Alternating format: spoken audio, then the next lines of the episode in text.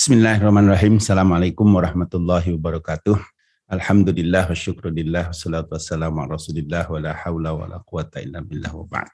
Bapak Ibu yang saya hormati, pagi ini kita melanjutkan kajian tafsir kita dengan rujukan tafsir Al-Munir yang ditulis oleh Syekh Wahbah Zuhaili dan juga tafsir Al-Wasid yang juga ditulis oleh Syekh Wahbah Zuhaili dan juga beberapa yang lain jika diperlukan. Nah, pagi ini ayat yang kita kaji agak panjang, ayat 18 sampai ayat 24. Nah, karena itu nanti di dalam saya menyiapkan teks dari kajian ini, saya lakukan beberapa peringkasan-peringkasannya tanpa mengurangi substansi dari makna tiap ayat yang ditulis oleh Syekh Wahbah Zuhaili. Bismillahirrahmanirrahim.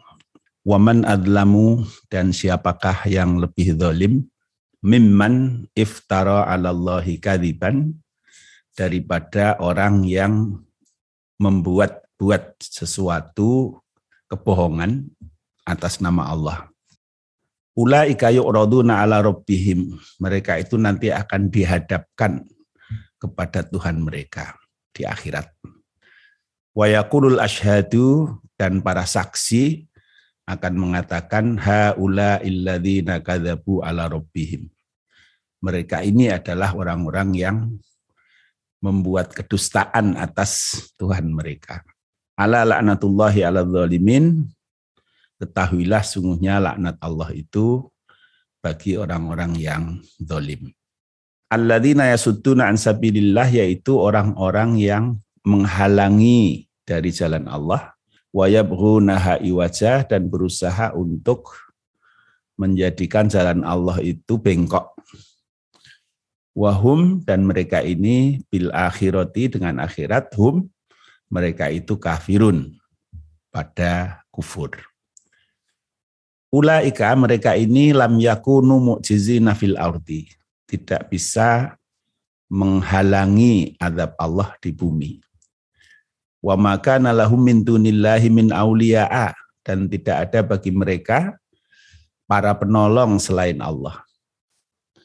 Yudha'afu lahumul azab akan dilipat gandakan bagi mereka azab. Maka nu sam'a karena mereka tidak mampu untuk mendengar wa maka nu dan mereka tidak mampu melihat. Ulaika mereka ini adalah alladzina khosiru anfusahum orang-orang yang merugikan diri mereka sendiri wadalla anhum dan akan hilang dari mereka maka nuyaftarun apa yang mereka buat-buat itu. La jaroma pasti annahum fil akhirati bahwa mereka itu fil akhirati di akhirat humul ahsarun mereka adalah orang-orang yang paling merugi. Innalladzina amanu wa aminus solihati sesungguhnya orang-orang yang beriman dan beramal solih wa akhbatu ila rabbihim dan merendahkan diri kepada Tuhannya ulaika ashabul jannati mereka ini adalah para penghuni surga hum fiha khalidun mereka akan kekal di dalam surga itu. Masalul fariqaini perumpamaan dari dua golongan itu yaitu orang-orang yang kufur dan orang-orang yang beriman. Kal a'ma wal asammi seperti orang yang buta wal asammi dan tuli wal basiri wasami dan seperti orang yang bisa melihat dan bisa mendengar hal yastawiyani masalah apakah dua hal ini sama afala tadzakarun kenapa mereka tidak mengambil peringatan. Sadaqallahul azim. Al-munasabah. Jadi konteks ayat ini dengan ayat sebelumnya. Ba'ta'an tahaddatsal Qur'an an fariqai annas wa huma alladhi yuridu dunya wa zinataha yuridul akhirah. Jadi setelah Al-Qur'an membicarakan tentang dua kelompok manusia, dua jenis manusia, yaitu manusia yang hanya menginginkan dunia dan perhiasannya, dan manusia yang menginginkan akhirat. Ini dua topik sebelumnya ya yang dibahas oleh Ustadz Ma'ruf pada minggu kemarin dan minggu sebelumnya. Abana hala kullin minal fariko ini fitunya wal akhirah. Maka Allah kemudian menjelaskan keadaan masing-masing dari dua golongan ini fitunya wal akhirati di dunia dan di akhirat. Nah, tafsir wal bayan. Jadi kita ketahui Bapak Ibu bahwa surat Hud ini masih dalam konteks surat Makiyah dan surat Makiyah ini pokok-pokok isinya masih menyangkut tentang prinsip-prinsip akidah. Nah, di antara pokok-pokok akidah yang penting digariskan di dalam ayat-ayat makiyah adalah penanaman pemahaman dan keyakinan tentang kehidupan akhirat. Nah, di dalam ayat-ayat yang akan kita kaji pada pagi hari ini, nah kita akan diberi gambaran tentang bagaimana kehidupan orang-orang yang kufur di dunia ini kepada Allah, di akhiratnya nanti seperti apa. Nah sebaliknya juga bagaimana gambaran orang-orang yang beriman kepada Allah di akhiratnya nanti seperti apa. Jadi ini diberi perbandingan yang face to face. Jadi orang yang begini nanti di akhirat begini, orang yang seperti ini di akhirat seperti ini. Nah ini supaya orang bisa memberi mengambil pelajaran sendiri ya tadakkarun ya afala tadakkarun mengambil pelajaran sendiri dari keadaan yang diceritakan oleh Allah tentang bagaimana kehidupan akhirat bagi dua kelompok manusia yang berbeda ini. At-tafsir wal bayan. Waman allahu min iftara 'ala Allahi kadziban ulaika yu'raduna 'ala rabbihim wa yaqulul asyhadu haula alladziina kadzabu 'ala rabbihim ala la'natullahi 'alal zalimin yubayyinullahu ta'ala halal muftarina alaihi wa wasafahum bi annahum adlamun nas. Jadi Allah taala menjelaskan tentang orang-orang yang mengada-adakan membuat satu pensifatan ya kepada Allah hal-hal yang tidak betul ya.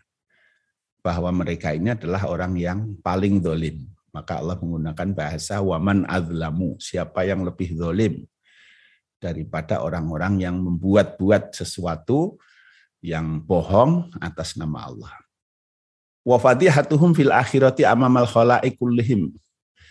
Dan Allah akan membuka kebohongan-kebohongan mereka itu nanti di akhirat di depan seluruh makhluk. Fayad kuru annahu la ahada adlama li nafsihi wa li ghairihi mimman ikhtalaqal kadhiba ala Allah Ta'ala. Maka Allah mengatakan bahwa tidak ada seorang pun yang lebih dolim terhadap dirinya dan orang lain daripada orang-orang yang membuat kebohongan-kebohongan atas nama Allah Ta'ala. Fi sifatihi dalam sifatnya, au hukmihi atau hukumnya, au wahyihi atau wahyunya. Au za'ama wujuda syufa'a lahu bituni idnihi. Atau mereka yang menduga atau membuat klaim tentang adanya para penolong tanpa izin Allah au ittikhadahu walatan minnal malaikati atau Allah menjadikan anak dari kalangan malaikat sebagaimana orang-orang Arab ya al-qaili nabi anal malaikata banatullah yang mengatakan bahwa malaikat itu adalah anak-anak perempuan Allah. Wal Yahud al-qaili nabi anna Uzairon ibnullah dan orang-orang Yahudi yang mengatakan bahwa Uzair itu adalah anak Allah wan nasara alqaili nabi annal masiha ibnallah dan orang-orang Nasrani yang menyatakan bahwa al-masih itu ibnu Allah, anak Allah. Jadi kalau di dalam Al-Qur'an tegas sekali ya, kul huwallahu ahad Allahus samad lam yalid walam yulad walam yakullahu kufuwan ahad. Nah, yang dimaksud dengan iftara alallahi kadiban itu orang-orang yang membuat Tuhan-Tuhan atau membuat teori-teori tentang Tuhan yang menyimpang dari prinsip keesaan Allah ini. Keesaan di dalam zatnya, sifatnya maupun keesaan di dalam uh, segala sesuatunya. Nah ini macam-macam ya. Jadi pertama kul huwallahu ahad. katakanlah bahwa Allah itu satu. Nah, ini yang betul. Nah, yang disebut iftara Allahi kadiban misalnya adanya orang-orang yang membuat Tuhan yang banyak, ya, politeisme. Jadi ini Tuhan ini, ini Tuhan ini, Tuhan ini, atau dewa ini, dewa ini, dewa ini. Nah, seolah-olah itu adalah Tuhan.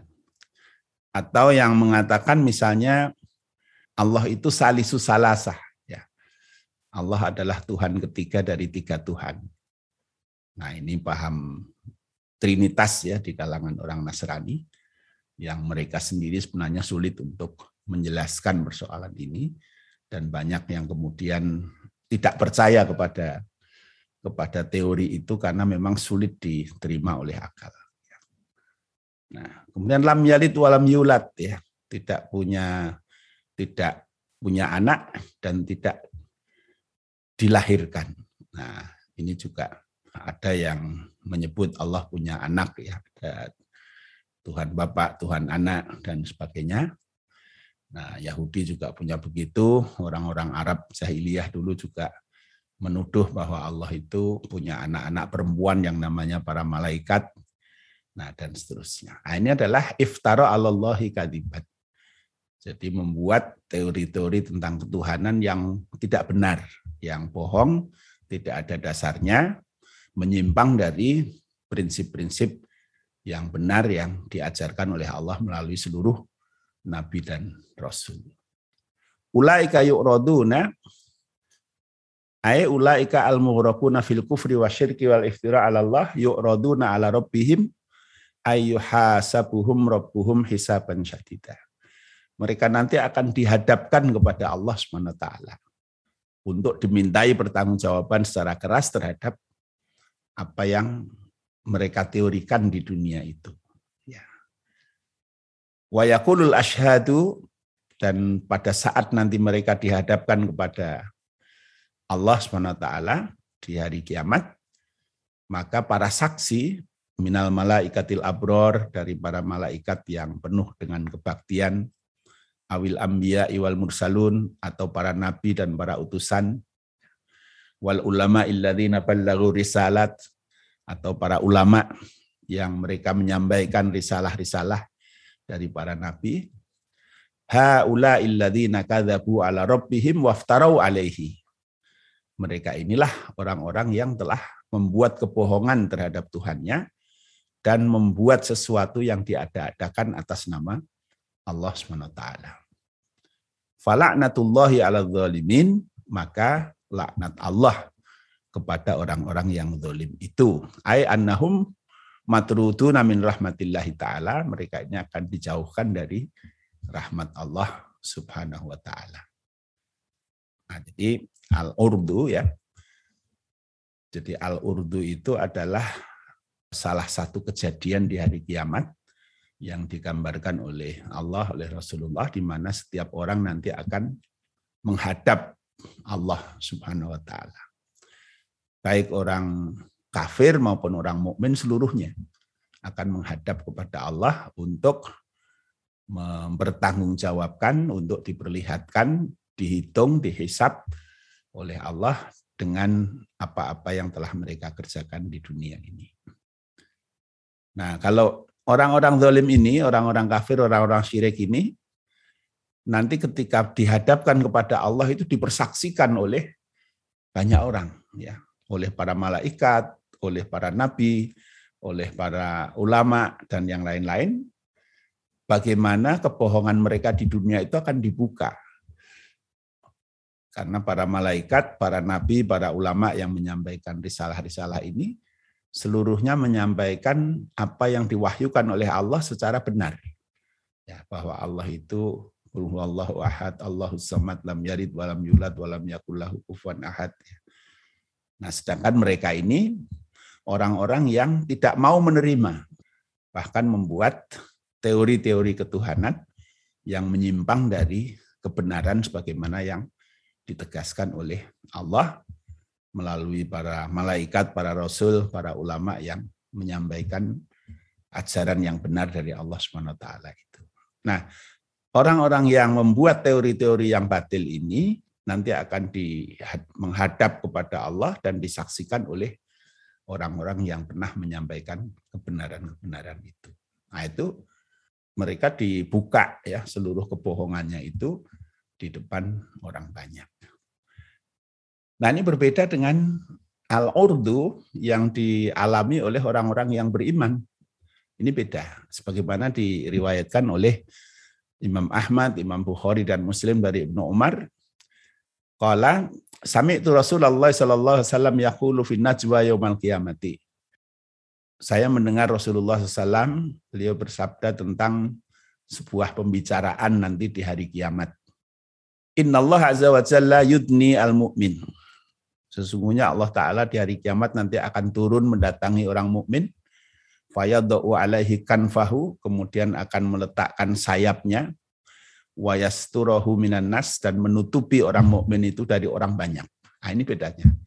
Kalau orang-orang kafir nanti akan dibuka aibnya di depan orang banyak. Tetapi orang-orang yang mukmin Allah akan memanggil orang mukmin itu dan ditutup tidak diperlihatkan kepada orang banyak. Wa yuqarriruhu bidunubihi kemudian Allah akan menetapkan dosa-dosanya, menunjukkan kepada dia dosa-dosanya. Wa lahu kemudian Allah bersabda berfirman kepada orang mukmin ini atau arif zamban kada zamba kada apakah kamu mengakui dosa ini? Atau arif zamba kada atau arif zamba kada apakah kamu mengakui dosa ini?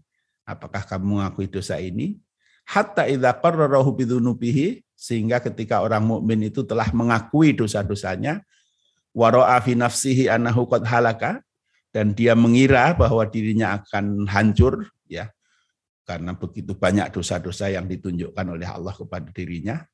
Qala maka Allah kemudian berfirman fa inni qad satartuha alaika fid dunya. Sungguh aku telah menutupi dosa-dosamu dulu di dunia Wa inni aghfiruha lakal yaum. Dan sesungguhnya aku telah mengampuninya buatmu pada hari ini di akhirat. Summa yu'ta kitab hasanatihi. Kemudian diberikan kepada dia kitab-kitab kebaikannya. Nah ini bagaimana al-urdu orang-orang mukmin nanti menghadap kepada Allah ditunjukkan dosa-dosanya ya. Jadi Wa may ya'mal misqala dzarratin khairan yarah wa may ya'mal misqala dzarratin syarran yarah. Jadi ini terbuka. Maksudnya tidak ada yang ditutup-tutupi. Nah, tetapi Allah mengatakan bahwa kamu memang orang yang punya dosa-dosa. Nah, di dunia dulu dosa-dosamu saya tutupi, kemudian di akhirat ini dosa-dosamu saya ampuni ya. Nah, jadi di, dihapus oleh Allah dosa-dosanya itu, kemudian diberikan kepadanya kitab catatan-catatan kebaikannya. Nah, inilah yang disebut fasaufa yuhasabu hisaban yasira. Jadi akan dihisap dengan hisap yang mudah. Jadi orang-orang beriman, insya Allah mudah-mudahan kita termasuk di dalamnya, itu akan dihisap dengan hisap yang mudah. Jadi bukan berarti dosa-dosa kita itu sudah tidak muncul di sana. Tetapi Allah akan tunjukkan, ini kamu ngaku enggak, ini kamu ngaku enggak, ini kamu ngaku enggak. Nah, sepintas ditunjukkan seperti itu. Nah, kemudian ketika seorang mukmin sudah sangat khawatir dengan dirinya bahwa dia akan mengalami sesuatu yang mencelakakan dirinya, nah Allah mengatakan sesungguhnya dosa-dosamu dulu di dunia saya tutupi, sekarang di akhirat saya ampuni. Nah ini begitulah orang-orang mukmin ketika menjalani al-urdu. Jadi beliau eh, orang-orang mukmin ini menghadap kepada Allah satu persatu. Wa amal kufar wal munafikun fayaqulul ashhad. Nah, sedangkan orang-orang kafir dan orang-orang munafikun maka para saksi akan mengatakan haula illadzina kadzabu ala rabbihim. Mereka inilah orang-orang yang telah membuat kebohongan atas nama Tuhan mereka. Ala laknatullahi ala zalimin, maka ketahuilah laknat Allah terhadap orang-orang yang zalim. Nah, ini bedanya. Jadi orang mukmin nanti menghadap kepada Allah, Allah menutupi dia dari orang lain, Allah tunjukkan dosa-dosanya, tetapi Allah akan menghapus dan mengampuninya. Kemudian tersisalah kebaikan-kebaikan yang ada pada mereka. Nah, sedangkan orang kafir ketika dihadapkan pada Allah, Allah datangkan saksi-saksi untuk menunjukkan kebohongan-kebohongan, kebatilan-kebatilan yang mereka lakukan ketika di dunia. Alladzina yasudduna an sabilillahi wa yabghunaha iwaja wa hum bil akhirati hum kafirun. Inna haula'i dzalimin yarudduna nas an ittiba'il haqqi wal imani wat ta'ah. Jadi orang-orang zalim ini menghalangi manusia untuk mengikuti kebenaran, keimanan dan ketaatan.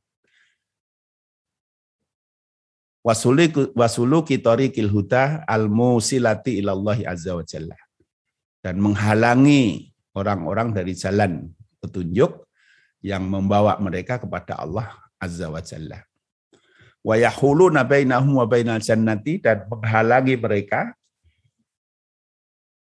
antara orang-orang yang akan mencari petunjuk Allah itu dengan surga.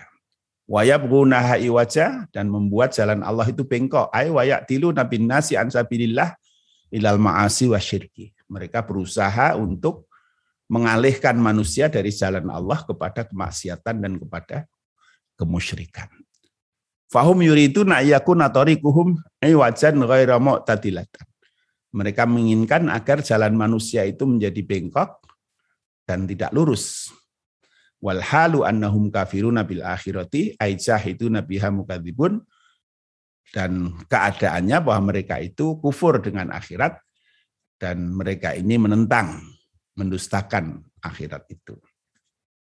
Wa adalah lafdhuhum takitan, jadi di sini digunakan dua kata hum, wahum bil akhirati hum.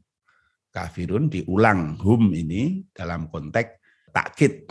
Jadi menegaskan bahwa ya mereka inilah orang-orang yang membuat berbagai keyakinan tentang Tuhan-Tuhan yang tidak betul dan kemudian mereka mengajak umat manusia untuk meyakini keyakinan-keyakinan mereka, menghalangi orang dari paham ketuhanan yang betul. Nah, mereka berusaha membelokkan orang dengan berbagai cara ya, dengan sekian banyak biayanya, sekian banyak dananya, sekian banyak usahanya agar orang keluar dari ajaran Allah. Nah, ini yasudduna ansabilillah. Ya. Nah, ini mereka ini adalah orang-orang yang sebenarnya kufur terhadap akhirat. Ulai kalam yakunu mu'jizina fil ardi wa ma kana lahum min dunillahi min awliya'a yudha'afu lahumul adabu ma kanu yastati'una sam'a wa ma kanu yubsirun. Inna ulaika dzalimin as-satina an sabilillah la yu'jizuna rabbahum ayu aqibahum bitimar. Jadi sungguhnya orang-orang yang menghalangi orang dari jalan Allah itu tidak akan mampu untuk menghalangi Tuhan mereka, menghalangi Allah untuk menyiksa mereka dengan kehancuran. Kama fa'ala bi ghairihim sebagaimana Allah pernah melakukan penghancuran ini kepada kaum-kaum yang lain. Kita tahu, kita tahu ya kaumnya Nabi Nuh, kaumnya Nabi Lot, kaumnya Nabi Hud, Nabi Soleh dan sebagainya. Balhum tahta qahrihi wa sultanihi tetapi mereka ini berada di bawah kekuasaan Allah. Wa huwa qadirun 'ala intiqami minhum fid dunya qabla akhirah. Dan Allah ini mampu untuk menyiksa mereka di dunia sebelum nanti Allah menyiksa mereka di akhirat. Walaisa lahum ansarun yang surunahum min dunillahi ta'ala dan tidak ada bagi mereka ini penolong-penolong selain Allah. Ya. Wa yahjabuna anhumul adzab hajaba yahjibu wa yahjibuna anhum al adzab dan menghalangi menutup dari mereka azab. Wa lahumul iqab bisababi idlalihim ghairahum. Dan mereka ini akan dilipat gandakan siksaannya karena mereka bukan hanya sesat tetapi juga menyesatkan orang lain. Kama dhallu bi anfusihim sebagaimana mereka menyesatkan diri mereka sendiri. Wa kanu summan an sima'il haqqi. Mereka mentulikan telinganya dari mendengar kebenaran, omyan an itibaihi, mereka membutakan matanya dari mengikuti kebenaran itu. Nah, ini sebagaimana diungkapkan oleh Allah dalam ayat yang lain surat An-Nahl ayat 88 alladzina kafaru wasattu an sabilillah. Orang-orang yang kafir dan menghalangi orang dari jalan Allah. Zidnahum adzaban fauqal adzabi maka kami akan tambahkan bagi mereka adab di atas adab bimakanu yufsitun. Karena perbuatan kerusakan yang mereka lakukan itu. Nah, alasan dari dilipat gandakannya adab wa illa tumudu ahmadil adab hiya maka nuyasati unassam'a wa maka nuyubsiru di ayat ini. Jadi kenapa mereka dilipat gandakan adabnya? Karena mereka tidak mau untuk menggunakan pendengaran dan tidak mau menggunakan penglihatan mereka itu. Ai lam yastami'u ilal Qur'an sima atadabburin wa. Tidak mau mendengar kepada Quran ini dengan pendengaran yang berusaha untuk tadabbur dan mengambil mau itu. Walam yubsiru tariqal haqqi wal khair dan tidak mau melihat jalan kebenaran maupun kebaikan.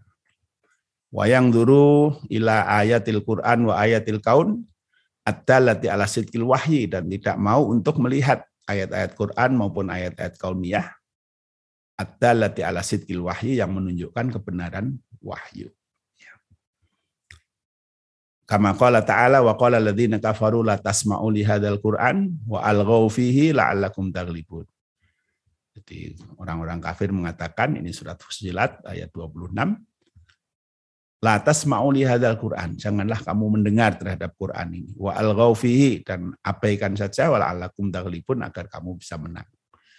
Wa qala wa hum yanhauna anhu mereka itu melarang orang lain dari mendengarkan Al-Qur'an wa yan'auna anhu dan mereka juga meninggalkan meninggalkan dirinya sendiri untuk tidak mau mendengar Al-Qur'an itu. Surat Al-An'am ayat 26. Jadi eh, ini sebuah fenomena yang memang terjadi di dalam kehidupan umat manusia ini di mana kebenaran Al-Qur'an ini sebenarnya adalah sesuatu yang kasat mata ya. Baik dari segi bukti-bukti ilmiah, dari segi eh, kekuatan sejarahnya, dari segi keterjaminan keasliannya, Nah ini orang yang mau mendengar, mau melihat, mau menggunakan eh, akal sehatnya, ini dengan gampang sekali akan bisa menemukan kebenaran Al-Quran itu. Belum lagi dari segi isi-isinya. ya. Karena itu sekali lagi Bapak Ibu kalau Bapak Ibu mungkin sudah melihat bagaimana sejarah kembalinya orang-orang yang sebelumnya non-muslim menjadi kembali kepada Islam. Jadi di dalam bahasa Inggris itu ada convert, ada revert ya. Kalau convert itu berubah, kalau revert itu kembali. Nah, orang-orang mu'alaf di negara-negara barat, mereka tidak mau menyebut dirinya convert, berubah dari keyakinan lama menuju keyakinan baru menjadi Islam. Tetapi menyebut diri mereka itu revert ya. Mereka kembali kepada Islam. Karena mereka meyakini sebenarnya fitrah mereka dulunya adalah muslim. Tetapi karena ajaran-ajaran dari orang tua mereka ya kelompok-kelompok mereka sekte-sekte yang mereka ikuti sebelumnya maka mereka keluar dari keislamannya itu nah kemudian ketika mereka tidak percaya lagi kepada ajaran-ajaran yang teori-teori yang dibawa diajarkan oleh kelompok-kelompok mereka ini, agama-agama lama mereka ini, kemudian mereka mencari kebenaran dan akhirnya menemukan Islam, maka mereka menyebut diri mereka kembali kepada Islam. Revert to Islam, bukan convert to Islam, tapi revert to Islam. Ya. Nah ini sesuai dengan hadis Rasulullah, kullu mauludin yulatu alal fitrah fa abawahu yuhawidanihi au yunasironihi au yumajisanihi. Jadi setiap orang lahir dalam keadaan fitrah, tetapi kemudian orang tuanya yang membawa mereka kepada Yahudi, kepada Nasrani, kepada Majusi. Yang seluruh ajaran ini adalah ajaran-ajaran yang telah menyimpang dari fitrah. Karena apa? Karena Yahudi, Nasrani, Majusi, seluruhnya ini adalah yaftaruna 'alallahil kadzibah. Mereka membuat teori-teori kebohongan tentang Allah Subhanahu wa taala yang itu dilawan oleh Allah sendiri melalui diturunkannya Al-Qur'an untuk meluruskan segala kebohongan yang dibuat oleh mereka itu. Nah, begitu mereka orang-orang yang sebelumnya berada di situ ya karena pengaruh orang tuanya dibawa ke situ. Nah, akhirnya setelah mereka mengambil eh, pilihan-pilihan sendiri melalui akal-akal sehatnya dia mencari kebenaran secara jujur, akhirnya mereka kembali kepada Islam. Falaisal muradu nafyus sam'i wal basar bal al maqsudu annahum wa in kanu yasma'una wa yubsiruna fi dhahir illa annahum mastahdamu hatainil hasataini istihdaman sahihan fi talaqqil ma'arif wal ma'lumat wa takwinil aqidah salimah. Jadi yang dimaksud dengan mereka itu tidak mendengar, tidak melihat, bukan berarti secara zahir mereka tidak mendengar dan tidak melihat tetapi tidak menggunakan pendengaran dan penglihatan mereka itu untuk secara benar sehingga memperoleh informasi dan pengetahuan yang benar serta membentuk akidah yang lurus ya. Jadi kalau mereka gunakan mata mereka mencermati sekian banyak hal menggunakan penglihatan mereka, pendengaran mereka, mengkaji secara sederhana saja tidak usah terlalu rumit ya bagaimana keaslian Al-Qur'an, bagaimana kebenaran kejelasan dari Al-Qur'an, bagaimana tidak adanya saling kontradiktif di dalam sekian banyak ayat Al-Qur'an. Sangat berbeda dengan apa yang ada pada kitab-kitab suci atau dianggap suci oleh mereka sebelumnya yang begitu banyak bertentangan di dalam ajaran-ajaran mereka. Akidahnya tidak jelas, ibadahnya tidak jelas, dan lain-lain. Nah, begitu mereka belajar Quran, maka akan segera kelihatan beda antara kitab-kitab mereka dengan Al-Quran ini. Nah, mestinya dengan sesederhana itu mereka akan bisa cepat melihat dan mendengar kebenaran itu. Dan bagi orang-orang yang jujur, maka begitu gampang mereka untuk revert to Islam itu. Tetapi bagi orang-orang yang dipengaruhi oleh kepentingan-kepentingan duniawinya, apakah itu menyangkut harta, jabatan, atau gengsi, atau kesombongan, atau yang lain-lain. Nah mereka ini menghalangi diri mereka sendiri dari kebenaran, dan kemudian berusaha menghalangi orang lain dari kebenaran. Ulai kalladzina khasiru anfusahum, mereka inilah orang-orang yang merugikan diri mereka sendiri. Wadalla anhum makanu yaftarun dan akan hilang dari mereka apa-apa yang mereka buat itu.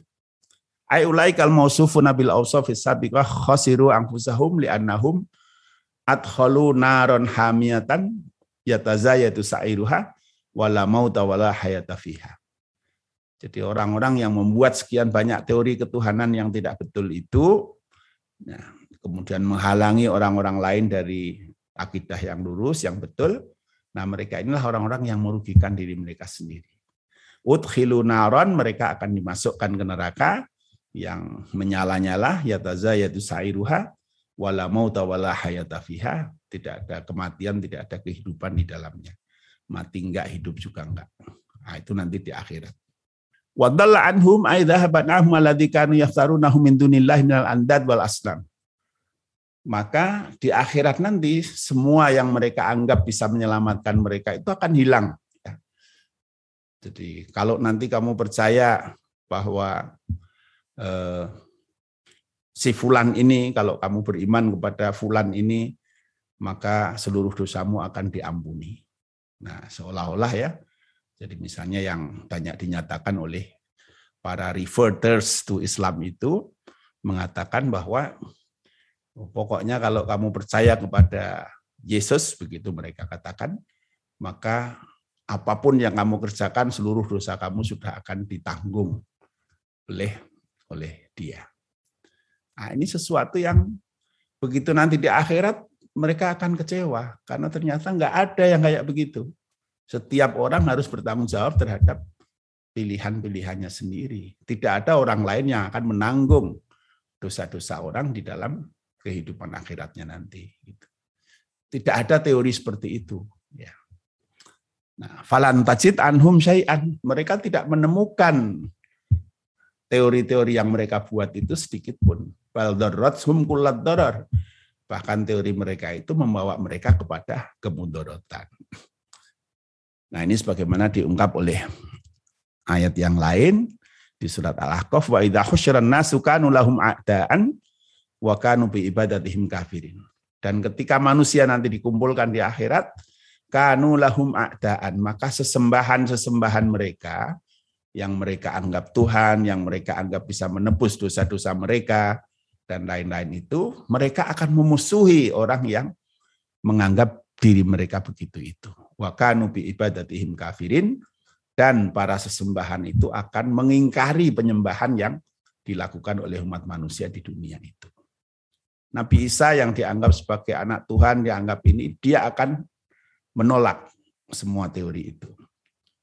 Berhala-berhala, batu-batu, pohon-pohon yang diagung-agungkan, dianggap bisa memberi manfaat, bisa memberi mudarat, atau benda-benda lain ya yang di pertuhan ya apakah itu keris apakah itu ake apakah itu benda-benda yang lain ya di akhirat nanti benda-benda itu semua menolak perilaku manusia yang seperti itu ya. Kanu bi ibadatihim kafirin. Wa qala subhanahu wattakhadhu min dunillahi alihatan yakunu lahum izza. Kalla sayakfuruna bi ibadatihim wa yakununa alaihim didda. Dan mereka menjadikan sesuatu selain Allah sebagai sesembahan supaya nanti mereka punya kemuliaan di akhirat. Kalla sayakfuruna bi ibadatihim. Ketahuilah seluruh benda-benda yang dipertuhan itu akan menolak penyembahan mereka itu. Jadi mereka menolak bahwa mereka tidak menginginkan itu dan tidak tidak mau seperti itu. Tetapi manusia-manusia yang bodoh-bodoh ini yang menjadikan Tuhan-Tuhan yang selain Allah SWT. Wa yakununa alaihim ditta dan mereka nanti akan melawan orang-orang yang mempertuhan mereka itu. Ini surat Maryam ayat 81 82. La jaroma annahum fil akhirati humul ahsarun. Pasti bahwa mereka nanti di akhirat adalah orang-orang yang paling rugi. Li'annahum istabdalu bina'imil jinan wa darajatiha adzab jahannama wa. Karena mereka akan mengganti kenikmatan surga dengan derajatnya dengan adab jahanam dan kerendahannya.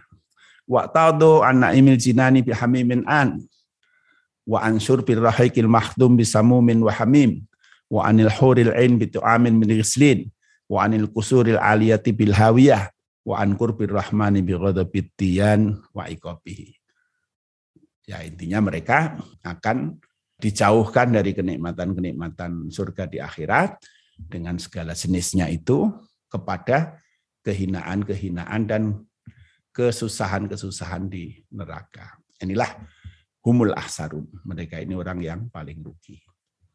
Nah itu bagaimana keadaan orang-orang yang di dunia ini membuat Tuhan-Tuhan atau meyakini Tuhan-Tuhan yang tidak sejalan dengan apa yang diajarkan oleh seluruh Rasul dan juga diajarkan oleh Al-Quran.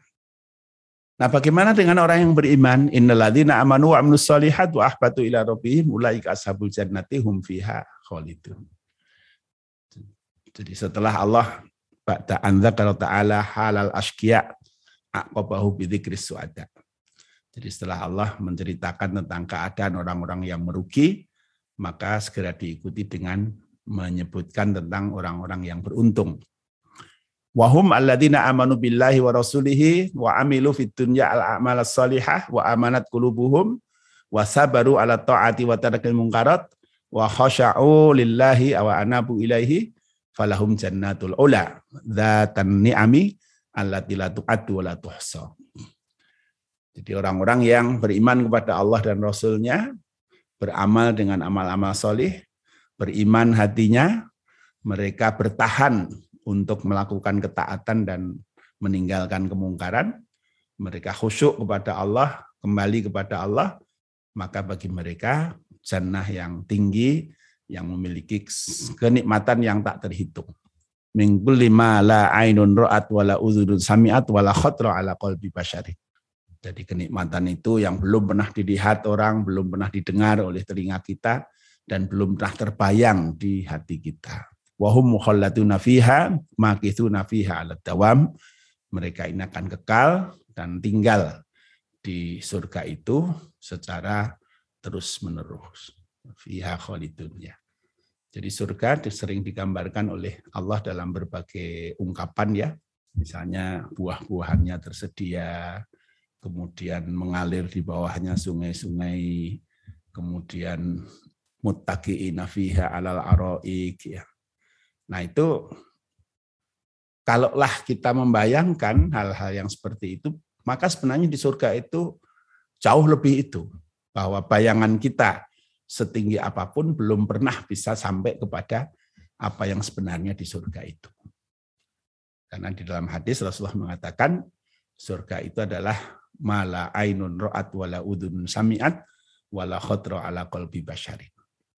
Jadi belum pernah dilihat oleh mata, belum pernah didengar oleh telinga, dan belum pernah terbayang oleh hati kita. Artinya jauh lebih baik daripada apa yang bisa kita bayangkan tentang gambaran surga yang digambarkan oleh Allah melalui bahasa-bahasa yang bisa kita tangkap. Ya. Jadi misalnya kan jannatun tajri min tahtihal anhar khalidina fiha.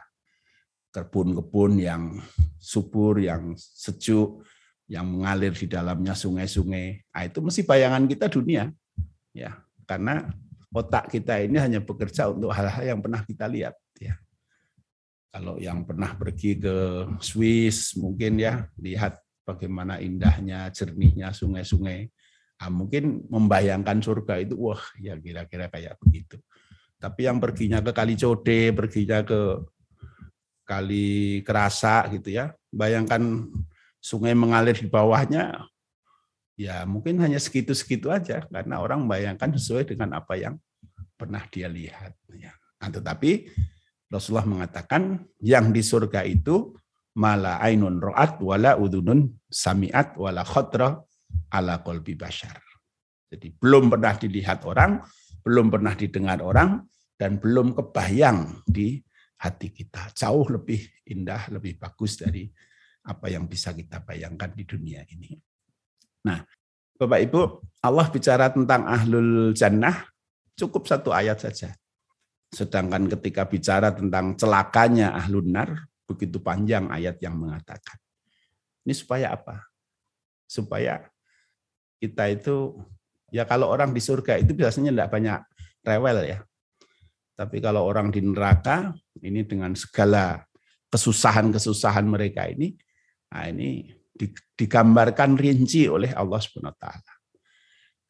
Nah, kemudian bagian akhir, masalul fariqo ini kal a'ma wal asam wal basiri was sami. Jadi perumpamaan dari dua kelompok ini, yaitu kelompok orang-orang yang membuat Tuhan-Tuhan lain selain Allah dengan berbagai teorinya, apakah itu didasarkan atas nama kitab sucinya, apakah itu didasarkan atas nama keyakinan-keyakinan nenek moyangnya, ataukah didasarkan kepada khayalan-khayalan mereka sendiri, ya. Ini dengan orang-orang yang beriman kepada Allah, sebagaimana yang diajarkan oleh para nabi dan rasul, alladaini wasofa sahabikon wahum al kufaru bisyaka wal minab sa'atah kamis lil a'ma wal asom wasami wal basir. Jadi perumpamaannya itu orang-orang kafir, orang-orang yang meyakini sekian banyak keyakinan yang batil itu itu seperti al-a'ma wal asom, seperti orang-orang yang buta dan tuli. Nah, sedangkan orang-orang yang beriman diumpamakan oleh Allah al-basir was-sami orang yang bisa melihat dan orang yang bisa mendengar. Hal yastawiyani masalah. Sama enggak dua kelompok orang ini? Nah, tentu tidak butuh jawaban ya. Na'afala karun. Apakah kamu tidak mengambil pelajaran dari kondisi itu? La yastawi hadha wa dhaka sifatan wa. Pasti tidak sama antara ini dan itu. Ya afala tadzakaruna au ta'tabiruna fatafarraquna baina haula'i wa haula. Apakah kamu tidak mau mengambil pelajaran sehingga kamu dengan mudah bisa membedakan antara yang ini dengan yang ini. Wa kaifa la tamayyazuna baina hadis sifat al-mutabaniyah. Bagaimana orang tidak bisa membedakan dua sifat yang sangat berbeda ini. Nah, sehingga dalam ayat lain Allah mengungkapkan la yastawi ashabun nari wa ashabul jannah ashabul jannati humul faizun. Tidak sama orang penghuni neraka dan penghuni surga itu.